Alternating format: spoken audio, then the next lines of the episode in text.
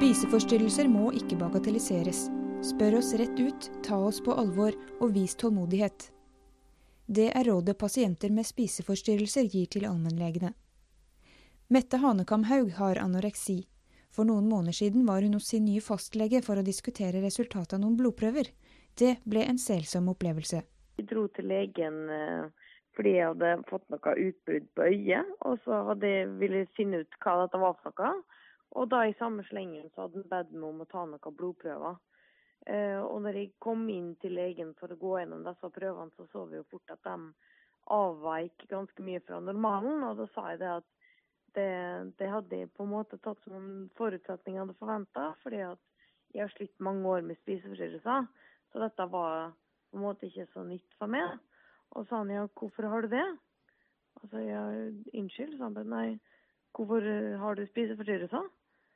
Nei. Og så ble jeg jo litt satt ut, da. Og sa jeg at de Nei, det prøver vi å finne ut av, vi òg. Men i, enere en oppfølging med psykiater og sånne ting uh, ved siden av, da.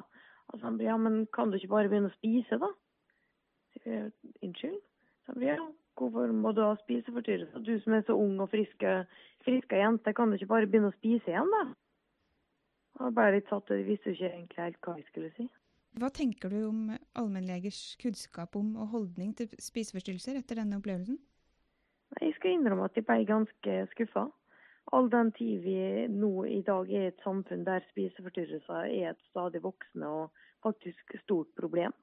Da er det gjerne symptom på noe annet, men det gjenspeiles i hvert fall med det med forholdet til mat. Og det er når en da en allmennlege som møter disse jentene og guttene altså voksne menn og kvinner som faktisk har sånne problem, eh, med på en måte en slik nesten som ifølte det, bagatellisering av problemet, nesten ikke anerkjennelse av dette som et psykisk problem, så ser vi på det som et, eh, en svakhet i helsesystemet. Nettopp fordi at dette gjerne er fagpersonen som er den første som møter dette mennesket. Eh, og for dette mennesket å faktisk innrømme at man har problem, ikke bare for legen, men også overfor seg sjøl, det er et stort skritt. Og dersom man enten eh, opplever bagatellisering av problemet eller en manglende forståelse for det, så tror jeg det kan være med å bidra til at man kanskje ikke får den hjelpa man trenger eller ønsker.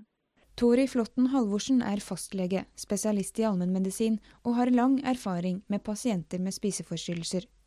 Hun sier det er svært viktig å møte pasienten med respekt og anerkjennelse, og ikke minst stille de rette spørsmålene. Pasienten sliter jo med både skam og ambivalens i forhold til å bli frisk eller fortelle om sykdommen. Så Det betyr at uh, man uh, må bruke tid for å få til en trygghet, og uh, at pasienten får tillit til deg som lege. Før man da må være veldig direkte i form av direkte spørsmål i forhold til om man har disse ulike spiseforstyrrelsessymptomene, og hva slags forhold man har til mat og kropp i det hele tatt. I tidsskriftet har Halvorsen og kollegene skrevet to artikler om spiseforstyrrelser i allmennpraksis, der de bl.a. konkluderer med at pasienten og allmennlegen snakker for lite sammen om spiseforstyrrelsessymptomene. Det er sju symptomer som er mest vanlige. Inntak av for lite mat, inntak av for mye mat, selvpåført oppkast, overtrening, bruk av vanndrivende midler, bruk av vektreduserende midler og bruk av avførende midler. Så det er opptil syv ulike symptomer som kan kombineres ulikt av hver pasient, og at det kombineres ulikt fra én periode til en annen periode for en og samme pasient. I tillegg er vekt og vektendring viktige diagnosekriterier. Anoreksidiagnosen bruker vi når pasienten oppnår en alvorlig undervekt. Det er jo da en BMI på under 17,5. Mens de som har en BMI over 17,5, oftest kommer da i andre grupper som bulimi. Og det, så er det dette med i hvilken grad man bruker de ulike spiseforstyrrelsessymptomene som også kommer inn i bildet. For Halvorsen er det viktig å understreke at spiseforstyrrelser er en kompleks og psykisk sykdom man må ta på alvor. Når en persons hverdag preges av tanker og atferd knyttet til mat, trening, vekt og kropp, så er det snakk om en spiseforstyrrelse. Og denne sykdommen er helt opplagt en psykisk sykdom. Det betyr at de psykiske plagene ikke lar seg løse på en annen måte enn at man på en måte rømmer inn i spiseforstyrrelsessymptomene. Eh, sykdommen preges av selvhat, skam, ambivalens og også mangel på identitet. Det er i hovedsak unge kvinner i overgangen fra ungdom til voksen som rammes av spiseforstyrrelser. Bulimi er mest vanlig, mens anoreksi og overspisingslidelse er sjeldnere. Studien Halvorsen og kollegene har gjort, der 114 pasienter med alvorlige spiseforstyrrelser er inkludert, viser hvor avgjørende det er at legen spør dem direkte og konkret. Studien som vi har gjort, det viser jo at faktisk at pasientene sier at de ikke er i stand til å fortelle om spiseforstyrrelsessymptomene sine, uten at allmennlegen faktisk direkte spør om det.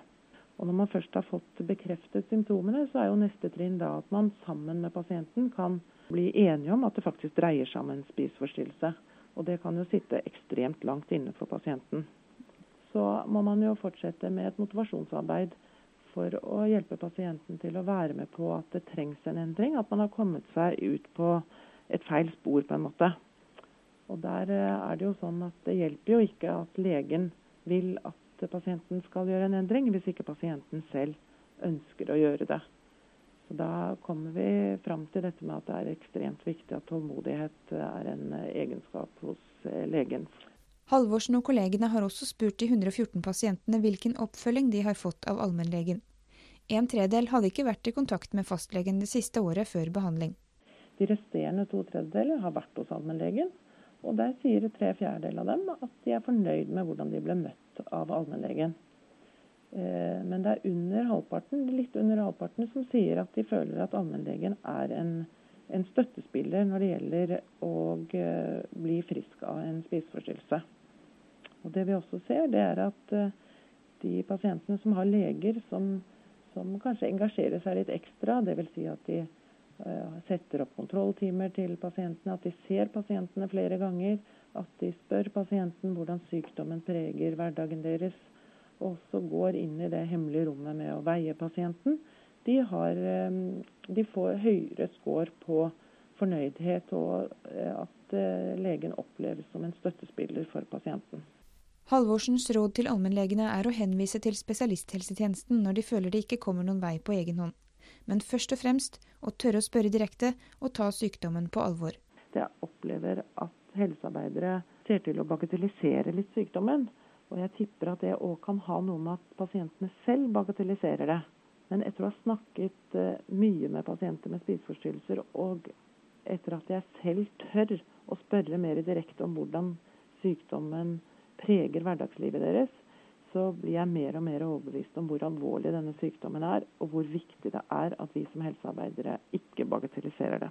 Også Mette Hanekam Haugs råd til legene er anerkjennelse, åpenhet og forståelse.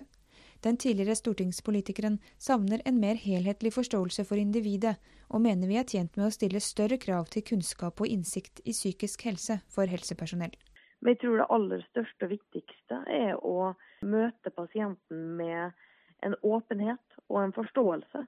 Ikke nødvendigvis forståelse hvorfor den er syk, for det kan være vanskelig å forstå. Men først og fremst en forståelse for at dette er et problem for vedkommende og møte dem med et åpent sint og åpen tanke om hvordan man kan hjelpe dette mennesket, i hvert fall. Men når det er sagt, så vil jeg også få fram det at etter å ha snakka med mange i min situasjon, så vet jeg også at det er ekstremt mange dyktige, gode leger og helsepersonell der ute som møter disse hver dag, også på rett måte. Så det er mye kompetanse der ute. Men det må ikke hindre oss i å også anerkjenne at det er en del også som mangler, som vi må ta tak i. Du kan lese alle artiklene om spiseforstyrrelser i tidsskriftet nummer 20 og 21 og på tidsskriftet.no. I podkaststudio Eline Feiring.